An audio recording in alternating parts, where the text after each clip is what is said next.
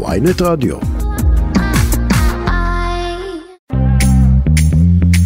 שלום לכם, ערב טוב, אתם על כסף חדש, התוכנית הכלכלית היומית של ynet רדיו, אני רועי כץ, עורך את התוכנית דן רבן, חגי בן עמי, הוא על הביצוע הטכני. תכף נספר לכם על הח"כים מש"ס שרוצים In God We Trust, אה, בהשם אנו בוטחים על כל השטרות שלנו. נברר את המשמעות של ביטול הפטור ממע"מ לתיירים, בעקבות השביתה הבוקר ננסה להבין לאן הולכת מכאן המחאה של ההייטקיסטים וגם נציין, לא נחגוג, נציין שלוש שנים לברקזיט ולקראת סוף השעה נשאל למה הבורסות, בניגוד לכל הציפיות, הן נצבעות ירוק. כסף חדש, התוכנית הכלכלית היומית של ynet רדיו. הנה, אנחנו מתחילים עם הסיפור הזה. חברי כנסת מש"ס רוצים לשנות את הכיתוב על השטרות שלנו. אנחנו מנסים להבין משמעויות ומה בדיוק הסיפור כאן. אומרים שלום, ערב טוב, לכתב, לפרשן הכלכלי של ynet ושל ידיעות אחרונות. שלום גד ליאור. שלום רב. מה, רוצים להיות uh, דומים לאמריקה? In God we trust? ממש כך. אתה יודע, מה מפתיע אותי? שכל העולם מדבר היום על זה שעוד מעט לא יהיה כסף. זאת אומרת, לא יהיו שטרות כסף. אנחנו כבר משלמים בטלפון, אפילו כרטיס האשראי הוא כבר מיושן, כל מיני אפליקציות, ופתאום יש רעיון לשטרות. אז בוא נאמר כך, כאשר מר נתניהו אה, היה אחראי כראש הממשלה על הנפקת השטרות הסדרה הנוכחית, תקפו אותו ואמרו לו, אין מזרחים. אין מזרחים על התמונות. הוא אמר, טוב, בסדרה הבאה יהיו. אז בואו אני נבשר פה היום, לא תהיה סדרה הבאה, כי בישראל מנפיקים סדרת כסף, שטרות חדשה, בערך כל 25-30 שנה.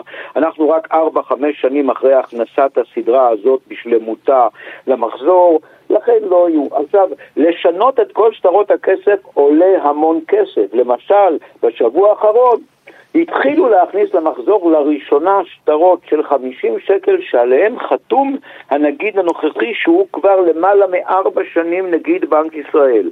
זאת אומרת, לא הדפיסו מאז בעצם שטרות חדשים. של 50 שקל. זאת אומרת, לא כל יום מדפיסים שטרות. אז א', גד, אולי, אולי לא, לא כדי לזלזל ביוזמה של נבחרי הציבור, אבל אולי כמו שנהג אה, לספר הבדרן המנוח דודו טופז, הם מאמינים באלוהים ובמזומנים, ועכשיו הם פשוט מחברים בין השניים. כן, אין גם שום דבר, אגב, שתהיה ברכה כזו על השטרות, אני לא נגד, אני רק אומר, זה יעלה כסף. כמה? נצלם עם השטרות, כי יצטרכו להדפיס שטרות חדשים עם הברכה. לא, אבל, נכון? כ... אבל יודעים כמה כסף זה יעלה? מה העלות של הדבר הזה? תראה, אם, אם יחליפו רק שטרות בדויים, אז הראיתי דוגמה שרק עכשיו, ארבע ורבע שנים אחרי שפרופסור אמיר ירון נכנס לתפקידו, הנפיקו שטרות כסף של 50 שקל בחתימתו. יש תמיד על שטרות הכסף חתימה, כל אחד שמחזיק כן. שיסתכל עכשיו. יש הרבה שטרות במחזור, עדיין עם קרנית פלוג, אפשר גם למצוא שטרות עם הנגיד שהיה לפניה, סטלי פישר, יש עדיין במחזור. זאת אומרת, שהם שטרות ישנים אגב, מותר עדיין לשלם בהם, שימו לב, מותר עדיין להחליף אותם בבנק ישראל, אבל רוב השטרות הם היום עם הנגיד החדש, או עם קרנית פלוג של הסדרה החדשה. עכשיו, להדפיס שטרות חדשים עולה, עולה הרבה כסף, אבל לא מדפיסים 100 שטרות, מדפיסים מיליוני מיליוני, עשרות מיליוני שטרות. זה דבר אחד. דבר שני, איפה בדיוק על השטר? דיברתי היום עם מישהו, הוא אמר איפה בדיוק נכתוב את זה. יש לנו השטר די מלא, אנשים לא יודעים, השטר עמוס בסימני מים, כשאתה מחזיק מול האוויר, בכל מיני אה, אה, ציורים ואותות ו- ומספרים, וכתוב שקל, וכתוב מדינת ישראל בכמה שפות וכך הלאה. אז אה, איפה בדיוק נכתוב? עכשיו, אני לא נגד, אני אומר חד וחלק, כי בארצות הברית בהחלט על השטרות זה כתוב. כן, רק נגיד-. רק נגיד שבד- לנו... בוא נאמר שיש לנו מספיק נושאים להיות בהם במחלוקת, לדעתי פה לא תהיה מחלוקת, אם יוחלט, זה רק יעלה כסף, אפשר להוסיף את השטר, אבל ייקח הרבה זמן עד שיכניסו את השטרות האלה כאמור, למחזור, הנה עכשיו הכניסו שטרות חדשים, הרי לא מחר בבוקר יחליפו אותם, זאת אומרת עד שזה יקרה הרבה זמן. טוב, אז אה, חברי הכנסת מש"ס שמבקשים את הדבר הזה, משה אבוטבול, מיכאל מלכיאלי, אה, יוסף טייב, אוריאל בוסו ויעקב מרגי, והנה, קיבלתם את הקרדיט על הצעת החוק הזאת, והם כותבים, יש לציין את מבטחנו בשם, כפי שנוהגת ארצות הברית, שמטביעה על שטרות הדולר את הכיתוב In God We Trust, שמשמעו באל נשים מבטחנו כסגולה להצלחתה הכלכלית של מדינת ישראל. אז יש גם רציונל לדבר הזה, רציונל כלכלי. נכון. כן, זה- אני כן. אומר שוב, אה, אה, יודע, כסף אומרים... לא, לא מדובר פה. רק בתיאולוגיה, מדובר פה גם סיבה לשגשוג. נכון, אין בעיה, אפשר לעשות את זה, צריך לבחון כמה זה יעלה, כמובן צריך לעצב את כל השטרות מחדש, להחליט איפה תהיה הכתובת הזאת, בוא נאמר, כל דבר שעושים עולה כסף, וכשאני... אה, תגיד גד, במה, במה הם מתעסקים שם? זה באמת הדבר הכי חשוב עכשיו. אתה יודע, לישראל יש בעיות אמיתיות ויש סוגיות כלכליות אמיתיות. בזה צריך להתעסק. נכון, אגב, יש עוד דברים, אתן לך רק דוגמה על החמץ, יש אה, בקשה או תביעה של כן, חברי כנסת. לא, לא להכניס בפסח חמץ. כבר קיבלתי תגובות, אתה יודע ממי? מארגון המאבטחים, מעובדי הקבלן, אמרו סליחה, אנחנו לא נתחיל לחטט עכשיו בתיקים, להוציא את כולם, לא בשביל למצוא חס וחלילה אקדח או סכין, אלא כדי לראות האם הביסקוויט. הוא ביסקוויט שיש בו, לא, זה יכול להיות גם ביסקוויט כשר או לא. אה, כן, אז הם מתעסקים. שאנשים לא יסליקו. חלילה פיתות במגנומטרים. אה, גד, אז אני אומר, יש, בהחלט לאנשים דתיים זה חשוב שבפסח לא יהיה חמץ. אז אתם אל תביאו חמץ, נתחיל עם כל ההוראות, באמת, כמו שאתה אמרת, יש לנו היום דברים קצת יותר חשובים לעסוק בהם. טוב, בוא נדבר רגע מהות ברשותך. Um, הממשלה הזאת אין לה הרבה חודשים של חסד עד שהיא תצטרך להעביר חוק תקציב וחוק הסדרים. מה אנחנו מתחילים לשמוע? מה אנחנו מתחילים לדעת על חוק ההסדרים המסתמן? אז קודם כל, הם הרי השמיצו מאוד מאוד את הממשלה הקודמת, אה, ממשלה רעה וכולי. אז אני בסוד אגלי, רק אנחנו שומעים, נכון? לגמרי. שהרבה מסעיפי חוק ההסדרים הקודם יהיו בחוק ההסדרים בזה. החדש. רק ניתן דוגמה, חוק המטרו, חוק המזומנים, כל מיני, יהיו כל מיני חוקים שלא עברו ויעברו כנראה עכשיו כי הממשלה הזאת רוצה בהם. אז זה דבר אחד. דבר שני, יש כל מיני אה, הצעות, למשל אה, גביית מע"מ מתיירים. אה, או, החזר תכף מע"מ אנחנו נדבר. על זה בהרחבה, כן. כן, אז אה, יש כל מיני רעיונות אה, אה, שהם נראים לפעמים קצת מוזרים, לפעמים אגב לא בדיוק לפי אמנות בינלאומיות, נדמה לי שיש אמנה בינלאומית, אם אני לא טועה, ניסיתי לבדוק את זה קודם, שמחייבת בעצם להחזיר את המע"מ לתיירים בהרבה מדינות מפותחות, מדינות מתקדמות, לא יודע מה קורה במדינות נחשלות, אבל במדינות, מחזירים, אתה קונה היום בהולנד או בגרמניה משהו, נגיד ב-200 יורו, אתה מגיע, אתה מחתים את החנות, אתה מגיע לשדה התעופה, מראה את המוצר הזה, והמכס חותם לך על הנייר שיש לך, על הטקס פרי, ואתה מקבל את הכסף של המע"מ בחזרה. נראה לי שזה קצת יהיה מסובך אה, אה, לבטל את זה בארץ. עכשיו, יש אה, כמה חוקים שקשורים בהשקעות בתשתיות, שגם הם אה, יהיו כנראה בפנים.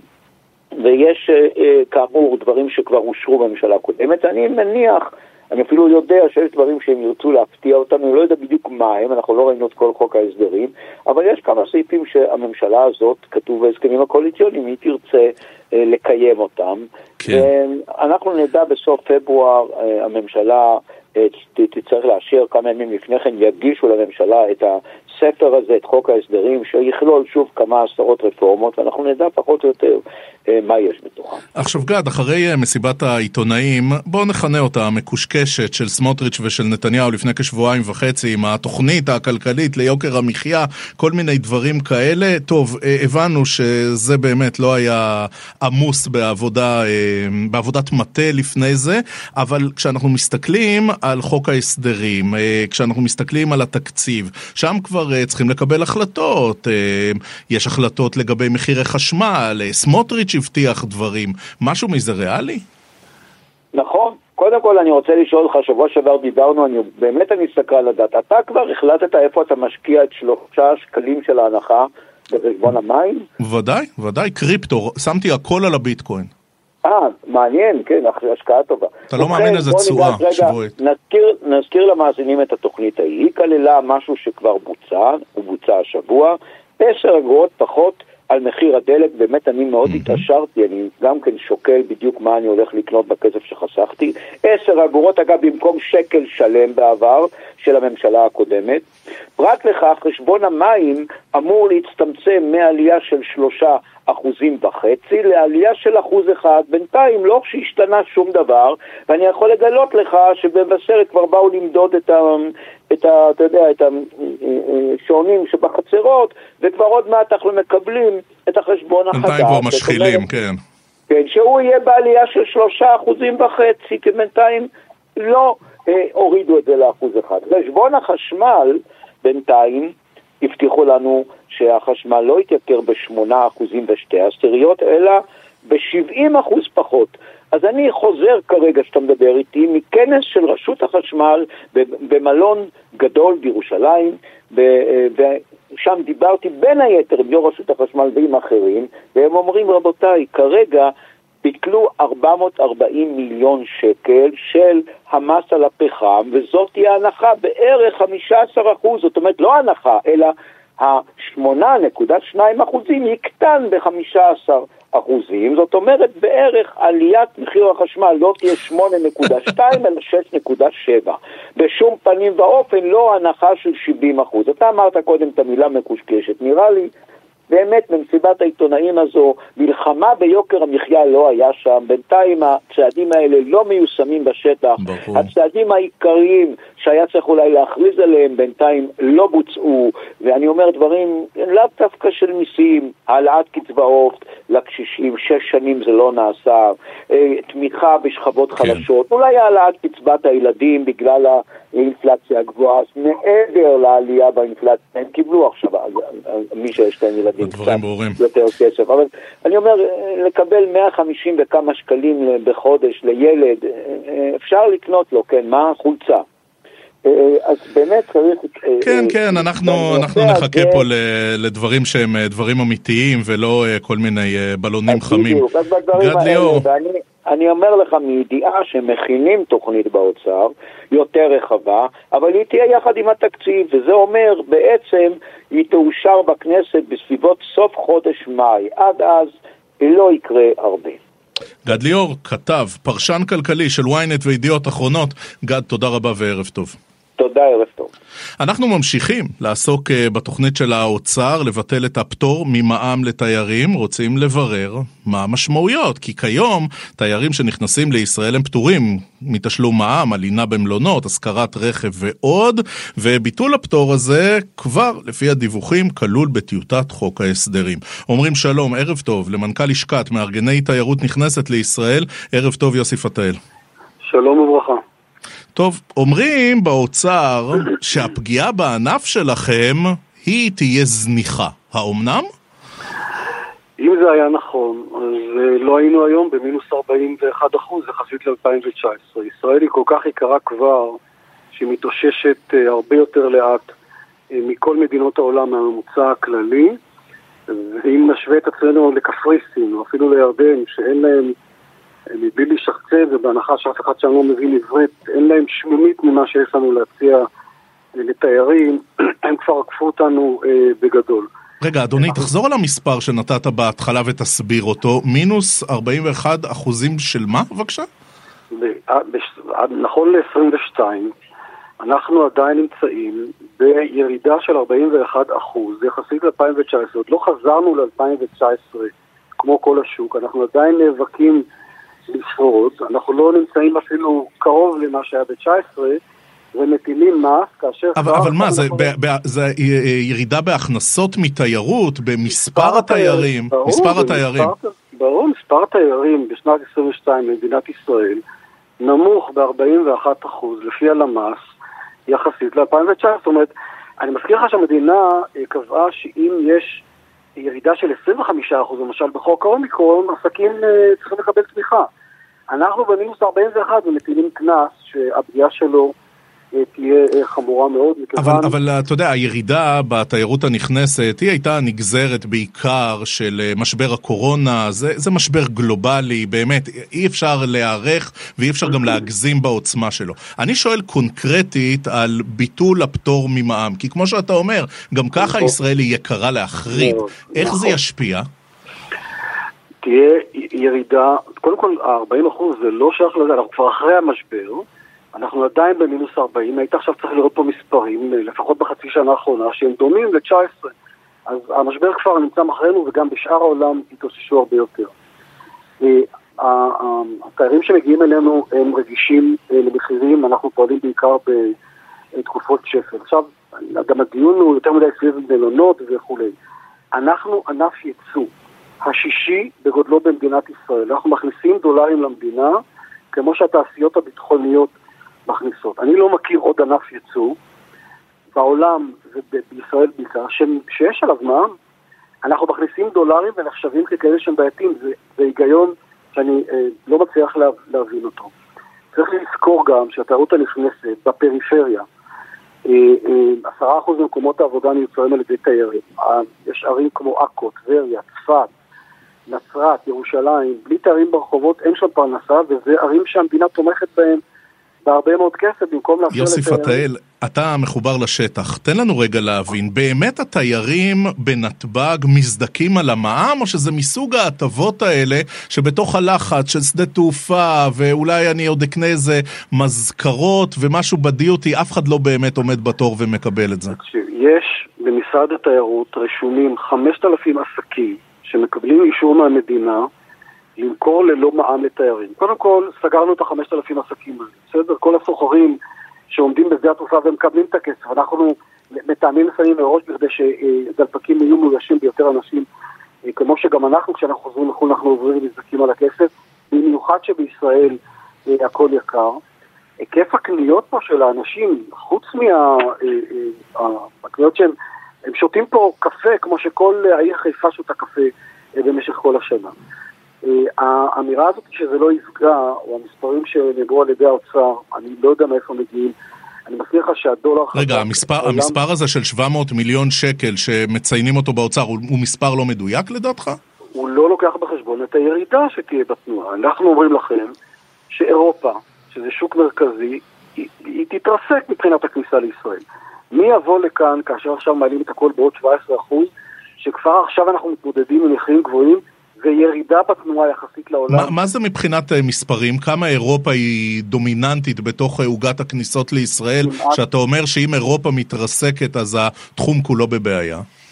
למעלה מ-40 אחוז. אני מזכיר לך שבאירופה יש משבר כלכלי, הם רגישים מאוד למחיר. גם uh, מקומות אחרים בעולם לא יגיעו לכאן במחירים האלה. חבל בכלל, אני לא מבין מאיפה המספרים שרק ירוויחו מזה ואף תייר לא ישקול לבטל את ההגעה שלו לכאן. זה מנותק מכל היגיון כלכלי ישר. אה, אה, ההכנסות של המדינה, עוד פעם, במטח, אני לא מבין מה הקנס פה, 25 מיליארד שקל בשנת 2018 ו-27 ב-19, אוקיי? אה, אנחנו בערך 4% מהתל"ג, יש עוד נתון שאנשים לא שמים אליו לב, אנחנו 15% מהתל"ג של הרשות הפלסטינית, זה תורם לביטחון.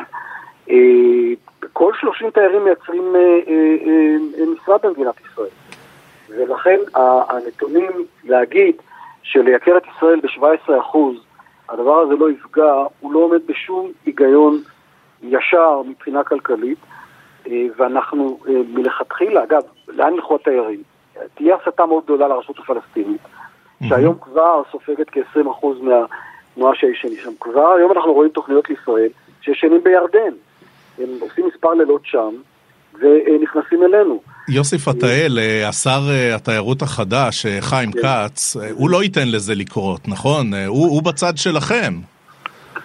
הוא בצד של התיירות, של התיירות בכלל והתיירות הנכנסת בפרט. אני מניח, אני, אנחנו עוד לא מכירים את העמדה, אני מניח שהשר בהחלט יתמוך. ולמזלנו, יש לנו שר שיש לו מילה, והוא גם יודע לעמוד אחריה וגם לפעול. או, והוא גם לא זר לפוליטיקה של כוח. הוא לא עזר בלהשיג דברים, הוא פרלמנטר מצטיין, הוועדה שלו, אם לא טועה, העבירה 180 אה, חוקים. אה, אנחנו מאוד שמחים על ההגעה שלו, בטח בזמן המשבר הזה. אה, גם תשים לב שהדיון נע סביב הנושא של המלונות. כולם חושבים שמבטלים את המע"מ למלונות וכולי. המלונות, בהוצאה של התיירים, זה בסך הכל כ-22 אחוז הולך על אירוח בבתי מלון, השאר זה אה, אה, נהגי אוטובוסים, זה מדריכים, זה מסעדות, זה מוזיאונים, כל אלה לא משלמים היום מע"מ התיירים. כל הדברים האלה, הסעות לשדה התעופה, ועוד שורה ארוכה של דברים שצריך לייקר אותם ב-17%. בלתי כן. סביר, כניסה. לאתרים של רט"ג, שהיום זה להיט, תתייקר... רשות הטבע והגנים, רק נזכיר, נכון. כן? הדבר הזה מטריד אותנו מאוד, אנחנו חושבים שאנחנו נכנסים למשבר שהביא אותנו לאזור... בקיצור, יוסי פתאל, מישהו באוצר הולך לכם על הראש. תראה, קודם כל באוצר, הטקס הזה של מע"מ על תיירות, זה כבר, אני חושב, ב-20 שנה האחרונה כל פעם מכניסים את זה, אחר כך מסתבר שזאת הייתה עז אה, להעביר דברים אחרים. השנה, נדמה לנו שהם אה, רציניים מאוד, ככה אנחנו מבינים, אי אפשר להקל בזה ראש, mm-hmm. אבל המשמעות של אה, ירידה חדה זה אומר פיטורים, חוסר תעסוקה בפריפריה, אני מזכיר לך שאנחנו מייצרים מקומות עבודה בלי השקעה של המדינה. כשאנחנו מביאים 30 תיירים נוצרת משרה שהמדינה לא השקיעה באגורה. עכשיו, אני אה, לא כן. מצליח להבין כיצד ממסים אה, תחום ייצוא מוביל, שישי בגודלו במדינת ישראל, אה, ולא עושים את זה על תחומים אחרים. יוסי פתאל, מנכ"ל לשכת מארגני תיירות נכנסת לישראל. תודה אדוני, תודה על השיחה. תודה לכם. כסף חדש, עוד רגע נדבר על ההפגנות שהיו הבוקר ברחבי הארץ נגד המהפכה המשפטית, איך זה גם uh, מתקדם ומה יהיה עם זה, נדבר על שלוש שנים לברקזיט, מה קרה לכלכלת בריטניה והאיחוד, ולמה uh, הבורסות נצבעות ירוק. רוצים uh, לספר לכם שאם אתם רוצים להאזין לנו בהאזנה מאוחרת לכל התוכניות, לכל הרעיונות, אתם יכולים לעשות את זה במתחם הרדיו, באתר ynet או באפליקציות הפודקאסטים המובילות, אתם מחפשים כסף חדש בשורת החיפוש. ואז אתם תמצאו את כל התוכניות ותוכלו להאזין לנו מכל מכשיר, בכל מקום, בכל שעה. עושים הפסקה מוזיקלית קצרה, תכף חוזרים. חם והלב רעב לשיר אהבה, מבקש שלווה, מחכה למוזה הטובה, אך זה לא בא, שוקע מאבד תקווה, בירה ריקה, מאפרה מלאה, רגש שגאה, נהפך לשיטפון נורא, התאווה, ליופי שעוד לא נראה,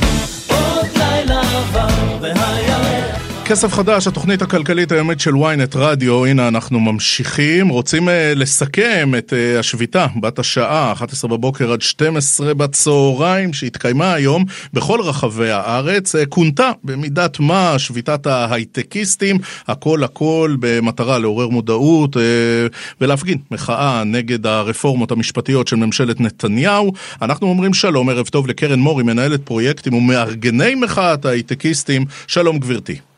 שלום, אחר צהריים טובים. איך את מסכמת את ההפגנה הבוקר? מעולה, אם כי זאת רק ההתחלה. אה, באמת הצעדים הבאים שלנו זה להתרחב לעוד מקומות נוספים בארץ, להגדיל את מספר המשתתפים, אה, לגייס עוד חברות שתומכות במאבק. מה היה? איך, איך זה בא לידי ביטוי? את יודעת, אה, חלק ראיתי ברשתות החברתיות, ראיתי גם את uh, הצומת של ראול ולנברג ברמת החייל, שם אפילו עברתי. ספרי לנו איך זה היה סביבך. אמ, אז אני הייתי בשרונה, שהיה המוקד המרכזי בתל אביב, אבל כמו שאמרת, היה גם ברמת החייל, גם בחיפה, גם ברחובות, באיירפורט סיטי, ברעננה ועוד מקומות נוספים ורבים אה, בישראל, ואחרי, אה, במהלך האירוע פנו אלינו גם עוד אנשים שרוצים להקים מוקדים ממש מתחת למשרד שלהם. אה, אז מה שהיה הוא באמת מאוד בסיסי. בשעה 11 אמ, ירדו עובדי ההייטק אה, לאזור אה, שרונה, נשאו שלטים, קראו קריאות. במשך שעה אחת הפסיקו לעבוד אה, בעצם אלפי אנשים ברחבי הארץ, וזאת הפעם הראשונה מזה הרבה זמן שעובדי ההייטק יוצאים, הם משתתפים כמגזר וכסקטור במשק להגיד מה שיש על ליבם. מה עשו העובדים שפחות מזדהים עם המחאה? נשארו לעבוד? כן, בעצם מדובר בשעה אחת אה, טחנתם את הקולגות שתומכים ברפורמות, אה? למה הכוונה? הם נשארו לעבוד. אתם יצאתם לשמש, הם נשארו לעבוד. תראה, זה, קודם כל מדובר רק uh, בשעה אחת, זאת יותר הפגנה סמלית מאשר שביתה רחבה. אבל גם מה שחשוב להדגיש זה שמנכ"לים ומנכ"ליות רבות נתנו את תמיכתם ושלחו אפילו מייל לעובדים, אמרו שהם מאפשרים לעובדים שלהם לצאת וגם לא לצאת ככל העולה על רוחם. באמת, אחד הדברים המובילים שתעשיית ההייטק נשענת עליהם זה החופש, החופש של הבחירה, הגיוון של העובדים, היצירה, ואת כל הדבר הזה בעצם האקט הזה מאפשר. קרן מור, איזה חברות פחות זרמו על היוזמה? אני לא יכולה אפילו להגיד לך אחת שממש אמרו, לא, אנחנו לא מאפשרים לאף עובד לצאת. יש כאלה שנתנו ממש גושפנקה רשמית ואף מנכ"לים שהופיעו שם. רגע, אבל נקרא לזה הענקיות, גוגל מייקרוסופט, וויקס, אמדוקס, כולם בפנים? אני לא יודעת על חברה שבאופן רשמי אמרה, אנחנו לא תומכים בדבר הזה. כן, טוב, באופן רשמי להגיד לא, זה לא לשחרר את העובדים ולהגיד כן, יש קצת הבדל. כן, אבל בסופו של דבר אנחנו רואים את ה, לא רק את הפוטנציאל, אלא גם ההצלחה. מדובר בהתארגנות ספונטנית אה, של באמת מספר ימים שבמהלכה אה, הגיעו אלפי עובדים מכל הארץ. אנחנו מדברים גם על אה, עובדות בחופשת לידה, גם על עובדים שנסעו רחוק. אנחנו מדברים גם היום בעידן של אה, עבודה מהבית, עובדים שהגיעו במיוחד כדי להפגין. אה, זאת אומרת, זה דבר שהוא ממש אה, בדמם של העובדים. טוב, לא רוצה להקטין את האירוע הזה, אבל את יודעת, מבחינת ממשלת ישראל הם יגידו, נו די, החבורת פריבילגים הזו, במקום לצאת להפסקה ב-12, הם ירדו לרחוב בקפלן ב-11 והניפו שם אה, שלטים, ו- וזאת הייתה גם הפגנה מנומסת להחריד, לפחות ממה שאני חוויתי ברמת החייל. עם זה לא מפחידים ממשלה בירושלים, קרן. קודם כל, אני חושבת שזה בהחלט צריך להפחיד. התעשייה הזו, האלפים האלה מייצגים מאות אלפים שעומדים מאחוריהם. כל עובדי ההייטק מכילים כמעט מיליון עובדים. זה המון. וזה עובדים שהם לא רק בתל אביב, הם עובדים גם נשים, גם גברים, גם חרדים, גם להט"בים, ובאמת בכל הארץ ועם המון המון דעות. אני חושבת שבעצם העובדה שהתעשייה הזאת מכניסה לתל"ג של המדינה אחוז כל כך נכבד, רק זה צריך להפחיד. ואתה יודע, יש גם שמועות ודיבורים על עובדים שרוצים לעזוב את הארץ. אנחנו ממש לא רוצים להגיע למקומות האלה ולא להגיע בכלל למסלול ההתרסקות הזה של משקיעים שעוזבים, של חברות שלא פותחות פה או סוגרות מרכזי פיתוח. והדבר הזה גם יש לו אדוות ומעגלים שניים ושלישיים של לא רק העובדים עצמם, אתה יודע, קלאסי, אנחנו חושבים על מתכנתים אולי ומעצבי מוצר ומעצבים, אבל זה כולל תעשייה, תעשיות שלמות וענקיות מסביב של הסעדה, של מפעלים, של נהגים, של המון כן. המון עובדים שתלויים בתעשייה הזאת. טוב, מה הצעדים הבאים? אז הצעדים הבאים הם באמת, קודם כל הם בתהליכי חשיבה, באמת אנחנו כרגע מאוד מאוד מתרגשים, אני יכולה להגיד לך על עצמי, מהכמות העצומה של העובדים, שבאמת לא הייתה לנו אפילו דרך לדעת כמה יגיעו. מה, פתחתם כבר איבנטים לשבועות הבאים? אתם מתכוונים להמשיך? אנחנו מתכוונים להמשיך עד שזה, עד שזה ייפסק, אנחנו לא מתכוונים אה, אה, לשתוק, ואנחנו מתכוונים להילחם עד שהדבר הזה ישתנה. מה, זה יהיה טקס קבוע כמו ההפגנות במוצ"ש? כל שלישי ב-11 בבוקר? אני עוד לא יודעת להגיד לך, אני כן יכולה להגיד לך שזאת אה, פעם מאוד משמעותית שאפשר לראות את אה, קהילת ההייטק מתגייסת ככולה, כקהילה. שיש לא, זה לה לא, זה לא כולה, הפוליטית. זה מי בקהילת ההייטק שהוא איש שמאל או מרכז, זה לא כולה. לא רק שמאל ומרכז, ממש לא. שוב, אנחנו מדברים פה על מחאה שהרעיון שלה הוא להתנגד להפיכה המשטרית והדבר הזה הוא דבר שנושא שמשותף ומקובל על רבים והצעדים הבאים יישקלו בהמשך. קרן מור, מנהלת פרויקטים ממארגני מחאת ההייטקיסטים, תודה שהצטרפת לתוכנית שלנו הערב. תודה קרן. תודה רבה. כסף חדש, התוכנית הכלכלית היומית של ynet רדיו, תכף נדבר על שלוש שנים לברקזיט, מה קרה לכלכלה הבריטית, מה קרה ליחסים בין בריטניה והאיחוד, וגם נדבר על הבורסות שצבועות ירוק, הכל הכל, אחרי הפסקה קצרה. כסף חדש, התוכנית הכלכלית היומית של ynet רדיו, בסוף החודש נציין שלוש שנים לברקזיט. אה, אין שום סיבה לחגיגות, אה, צריך להגיד נציין, זה, זה כמעט יארצייט הדבר הזה. מאז אה, פרשה בריטניה מהאיחוד האירופי, אנחנו רוצים אה, לברר מה קרה לכלכלה הבריטית, מה קרה לקשר בין הכלכלה של האי ובין האיחוד. אומרים שלום, ערב טוב, למומחה להיסטוריה של בריטניה, נשיא המכללה האקדמית תל אביב-יפו, ערב טוב לפרופסור דרור ורמן. שלום, שלום, ערב טוב. טוב, אה, פרופסור, מה קרה אה, בשלוש השנים האחרונות לכלכלה הבריטית? נכון, התלבשה על זה גם איזה פנדמיה אחת, אבל אה, שום דבר טוב לא קרה שם.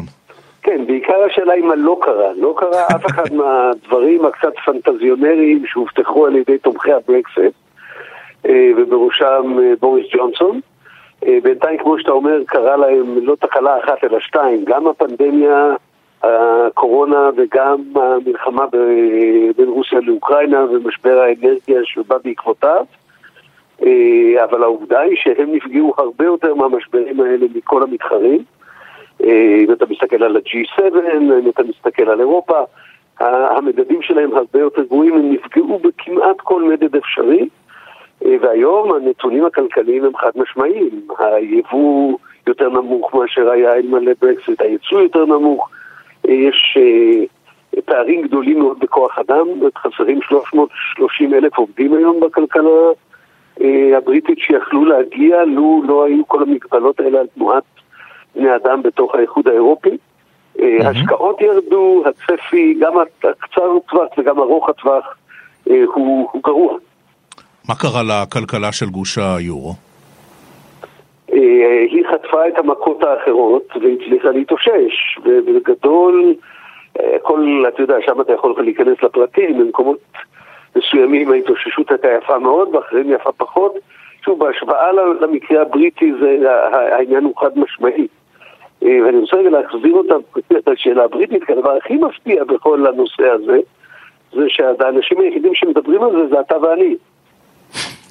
פחות או יותר. לא. נייג'ל פארג' פשוט לא לקח את השיחה, אדוני. אני באמת, אני ביקשתי לשוחח איתו. אני יכול לתת לך את המספר הנוסף שלו, אבל... לא, זה דבר מדהים שהמפלגות הגדולות בבריטניה בריטניה עומדת לפני משבר כלכלי מאוד קשה, משבר יוקר המחיה שלהם הוא קשה יותר מכל מקום אחר, הם בשביתות קשות, הם, הם נכנסים לחורף שהם בעצמם אומרים יהיה קשה מאוד. הייתה שם ההרפתקה הזאת של ליז טראס באמצע עם התקציב חסר האחריות, שהפילה להם עוד כמה עשרות מיליונים מהתקציב, ביליונים, סליחה, mm-hmm. וה... והם לא מדברים על זה. הפיל הגדול בחדר, אה, כאילו לא הוא מדווח רק על ידי כמה פרשנים והפוליטיקאים מפחדים לגעת בו משני הצדדים. אתה יודע, בברקזיט, במשאל, ראינו כמה דברים. ראינו צעירים מול מבוגרים, ראינו את ה-rural areas מול אה, לונדון. יש, יש לקחים ללמוד מזה עכשיו שהשורה התחתונה הכלכלית אה, לפחות היא כל כך חד משמעית? תראה, יש לקח אחד אפשר ללמוד, זה שזה לא רעיון טוב במיוחד לקבוע את כל המדיניות הכלכלית שלך והפוליטית על סמך משאל עם של שאלת כן ולא. אה, ועל זה אפשר להוסיף את הלקח השני, שנגיד שהעם אמר כן, לא חייבים לקחת את הגרסה הקיצונית ביותר של הדבר שאלה נאמר כן, כי הרי המשאל לא היה עדין מספיק בשאלות כדי לברר אנחנו רוצים ברקסיט קשה או ברקסיט רך. זאת אומרת, הם הלכו בכל הכוח, היה פה באמת מהלך שהיה פוליטי אה, קצר מועד וקצר את הפירות שלו, העובדה היא שבוריס ג'ונסון בזכות הדבר הזה נבחר ברוב שכבר הרבה שנים לא ראו כמוהו, זה נכון. אה, אז זה לקח אחד. אתה יכול, כשאתה מדבר על צעירים מול מבוגרים, על אזורים שונים בתוך בריטניה, אגב, יש פה עוד לקח אחד אזורי חשוב מאוד, שזה הפער הגדל או ההתפרקות המתמשכת של הממלכה המאוחדת. אה, הסקוטים שולחים מנהיגים מתוסכלים מזה שתקעו אותם עם ההצהרה הזאת, אה, והמשבר הגדל והולך באירלנד, שכבר נמצאת כמעט שנה בלי ממשלה מתפקדת בגלל הסיפור הזה. אה, אבל יש גם בתוך אנגליה, יש כבר סקרי דעת קהל שמראים התפתחות. אומרת, השני אחוז שאנחנו זוכרים ברוב ההוא, היום יש בערך 60-40 שחושבים שברקסיט היה טעות, 60 לטובת אלה שחושבים שצריך בעצם, זה הייתה שגיאה, ואף על פי כן, שתי, שתי המפלגות הגדולות לא נוגעות בזה, וזה בעצם, באמת, התעלומה הכי גדולה זה איך זה יכול להימשך כנושא שהוא אה, בלתי נראה בתוך הדיון הפוליטי הבריטי, כמעט, לא, כמעט באופן מוחלט. עכשיו, משהו מזה, פרופסור, הוא רוורסבילי, זאת אומרת, העלויות יהיו אדירות וההשפלה תהיה בלתי נתפסת, אבל uh, משהו מזה הוא בר תיקון? השאלה היא מה פירוש המילה בר תיקון. אה, עקרונית כן, אפשר היה להחזיר למשל רק את החברות בשוק המשותף, mm-hmm. שהיה פותר חלק גדול מהבעיות, גם הפוליטיות וגם הכלכליות. אז עקרונית זה ניתן, אבל אין היום אה, שום כוח פוליטי שמסוגל לבצע את הדבר הזה, לפחות לא בשנים הקרובות. אני חושב שכל זה עשוי להשתנות אחרי הבחירות הבאות. לקראת הבחירות הבאות, שרק בעוד שנתיים, ועד אז מי יודע כמה נזק עוד ייגרם, אה, המפלגה הקונסרבטיבית השמרנית כמובן לא יכולה לגעת בזה, כי הם, זה היה הקלף המנצח שלהם, הם לא יכולים להודות שהם טעו. וההפתעה הכי גדולה זה שגם הלייבור לא יכול לגעת בזה, כי הם מפחדים היום מאוד שאם הם יראו ככאלה שרוצים לעשות משהו רוורס מוחלט, הם יאבדו חלק מהקולות שהיום נוהרים אליהם ומבטיחים להם את הניצחון הבא. כן. אחרי שיושלם הניצחון הזה, בוא נניח רגע שיקרה פה הדבר הצפוי, אה, יכול להיות שמישהו יתפנה לחשוב איך בכל זאת מתקנים את הנזקים האלה, כמו שאתה אומר, בהשפלה גדולה, אבל אם תנצח המפלגה השנייה, יגלגלו את הכל לפתחה של המפלגה השמרנית, יגידו, הם עשו טעות, הנה אנחנו באים ומתקנים את המשקיע הגדול ביותר בהיסטוריה הבריטית אחרי מלחמת העולם השנייה. עכשיו, אה, בדקה שנותרה לנו, פרופסור ורמן, אה, ראינו הרבה אי יציבות אה, בדאונינג 10. מה צפוי הלאה? אחרי פארסת טראס, ראש הממשלה מצליח לשלוט עד כמה האינפלציה מעיקה עליו ועד כמה הנתונים הכלכליים הם כאלה שבכלל מאפשרים לו להגשים, לממש משהו מתפיסת העולם שלו? שאלת שלוש שאלות שונות, שאלת האם הוא מצליח להגשים משהו, האם הוא מצליח לשלוט, שונה מהשאלה מה יקרה לו. אני חושב שהוא יישאר בתפקידו, אני לא רואה תסריט אה, שבו הוא לא יישאר, וזה פשוט כי לא נשארו חלופות. זאת אומרת, כרגע אין פה משהו שיכול לגרום אה, אה, לשינוי בתוך המפלגה. מה שראינו לא היה בחירות חדשות, אלא ראינו את המפלגה הטורית השמרנית מדיחה ראש אחרי ראש ונושאים חדשים.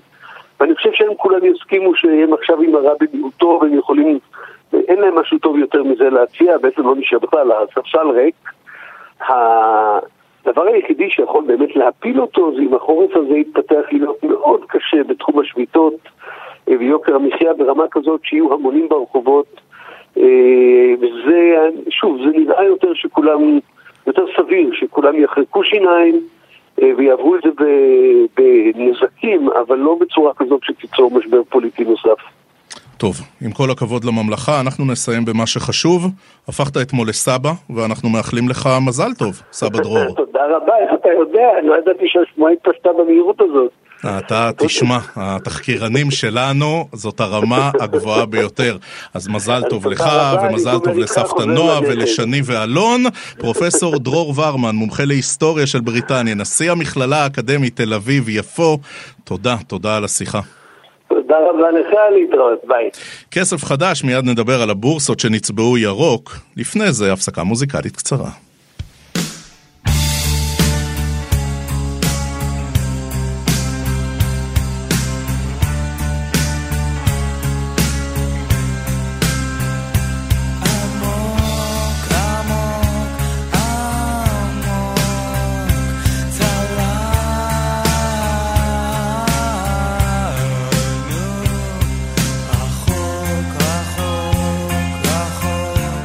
לבן בחלום שחור, איפה הילד? אנחנו uh, מדברים על לבן בחלום ירוק, כי הבורסות נצבעות ירוק, ירוק, ירוק, ואנחנו רוצים לדעת אם המגמה הזאת תימשך uh, בהמשך השנה. שאלת uh, הרבה כסף. אומרים שלום לאנליסט ניירות ערך זרים בבנק לאומי, ערב טוב שמולי קרפ.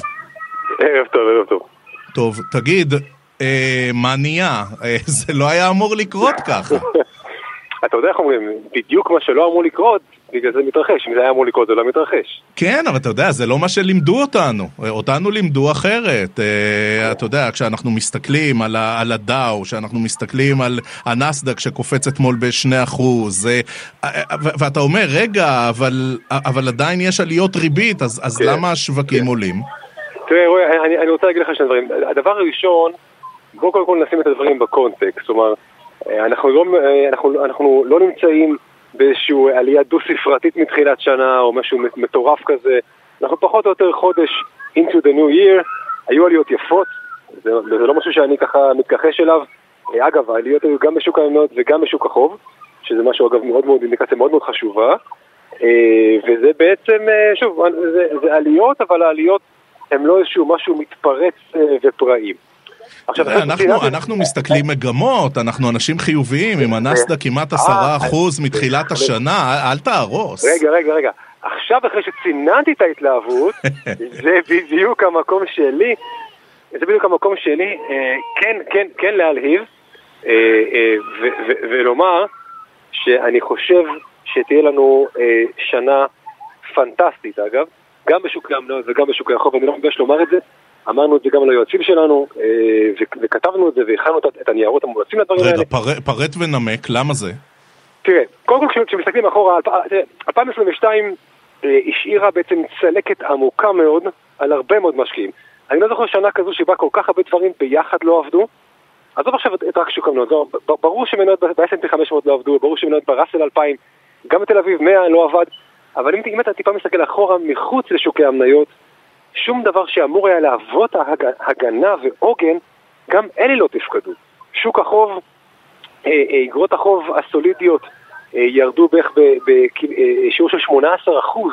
כלומר, ה- ה- המשבר הגדול הוא לאו דווקא בשוק המניות, אלא המשבר הוא שגם העוגנים לא תפקדו, ולמעשה כמעט כל האפיקים הובילו להפסדים עמוקים דו-ספרתיים שנה שעברה. מלבד, שוב, מלבד סקטור האנרגיה, נישה מאוד ספציפית, כלום לא עבד, וזה כלום שלא עבד לא במשך חודש או חודשיים, אלא במשך שנה ארוכה. דבר כזה משאיר המון המון משקעים על משקיעים. אנחנו רואים את זה גם היום. אה, אני יכול לספר לך שמשקיעים לא רוצים לקנות. משקיעים, בפרט הריטייל, עדיין הם רחוקים רחוקים רחוקים מלהיות all in.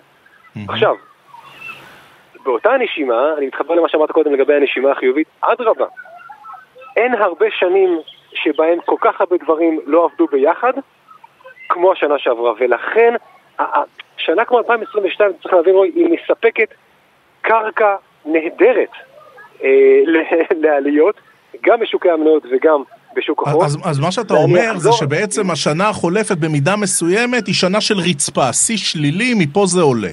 אני בהחלט אומר, השנה שהקודמת סוללת, סללה ועדיין סוללת את העליות, כי בעצם כל שוק דובי תמיד סולל את השוק הפרי, את השוק השורי שאחריו. לגבי ההערה הנכונה ש- שאמרת בתחילת השיחה, איך יכול להיות שאנחנו קוראים דברים, המון המון מקרו, המון המון דברים אה, שליליים במקרו, אה, דיברת על עליות ריבית והכל נכון, ואני רוצה להגיד לך, ככה, אה, אני, אני, אני אצא מגדרי ואני אני אפילו, אה, אני אתנבא לשנה החדשה. במשך, אני כבר אומר לך, במשך רובה של השנה הזו, כולנו, המשקיעים, אנחנו נחשף לרצף של חדשות שליליות. אני יכול להגיד לך שאנחנו אנחנו, אנחנו נפתח את העיתונים, אולי חודש הבא, אולי חודשיים, ואנחנו נקרא לזה שחלק ניכר ממדינות אירופה כבר נכנסו באופן רשמי למיתון. אנחנו נראה נתוני צמיחה לא טובים, אנחנו נראה נתוני תמ"ג לא טובים.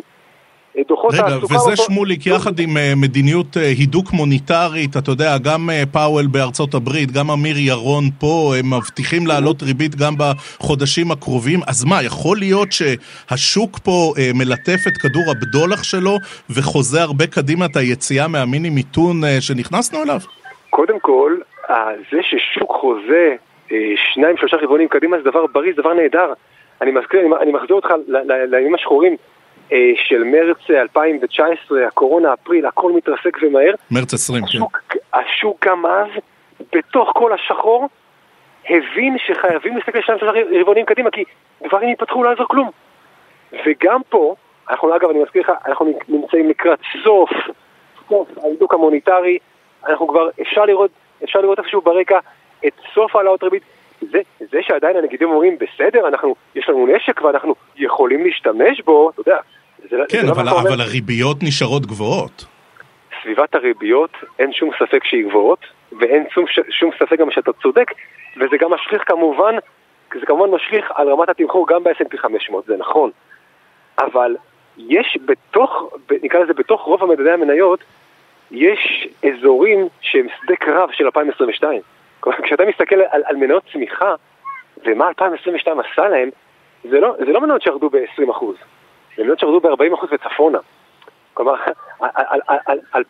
2022 אה, עשתה בעצם אה, שיערוך, אה, שיערוך מן הקצה, מן הקצה לקצה בעצם בתמחורים, ובפרט במניות צמיחה שמושפעות באופן רגיש יותר בגלל הריביות. אז אתה יודע, הסקטור של, של צריכה, אם נסתכל על כמו, כמו פפסי, קוקה קולה, יצריות מתוקים, הם ככה, הם עברו את 2022, הם במובן רב גם היוו את העוגן, את המבצר של המשקיעים, לשם הם הלכו, כמעט כן. ולא נפגעו. רגע, מנצל את המומחיות שלך בניירות זרים, בינתיים בארץ המגמה לא ממש דומה. יש עליות, אבל הן צנועות יותר. זה מאוד, תן... מתחבר, זה מאוד מתחבר למה שאמרתי קודם, אני אסביר. אנחנו, פה בשוק המקומי שלנו, לטוב ולרע, אתה יודע, מדברים על, על אי של יציבות וכולי, אני לא, לא נכנס כרגע לקלישאות כאלה, אבל מה שכן, כשפותחים את מכסי המנוע של השוק בישראל, בגדול, מה יש פה? יש פה המון המון נדל"ן, מגורים, אה, אה, מגורים, מניב וכולי וכולי, ופיננסים. הדברים האלה לרוב כן מהווים, נקרא לזה עוגן דפנסיבי. ומשכך הם עבדו יפה מאוד בשנה שחלפה. הסקטורים האלה עבדו יפה, זה, זה לא כי אנחנו ישראל, זה לא כי אנחנו פטריוטים מיוחדים. זה עבד כי הסקטורים האלה בגדול היוו עוגן גם שם וגם פה עכשיו. כמו בכדורגל, שמוליק, פוקסים נחשבים. קודם כל זה נכון, אגב, בסוף על השורה התחתונה אני בטח לא אתווכח איתך. מי, ש, מי שהשקיע פה נפגע פחות, זה נכון. כן. ובאותה נשימה אני אחבר את זה למה שאמרתי קודם. מי שיהיה over invested, over invested השנה, פה, בגלל שהוא התאהב בתשואות של שנה שעברה, הוא יאכל אותה. שמוליק אה, כן. קרפ, אנחנו אה, נסיים עם הדברים האלו, אנליסט ניירות ערך זרים בבנק לאומי, תודה, תודה על השיחה. שמחתי לך, תודה רבה, שמחתי. אנחנו מסכמים את כסף חדש להיום, מיד אחרינו דודו ארז ויואב רבינוביץ' עם סיכום היום. מחר יהיה איתכם בכסף חדש צחי שדה. תודה גדולה לדן רבן שערך, תודה לחגי בן עמי שהיה על הביצוע הטכני. אני רועי כץ, המשך האזנה נעימה.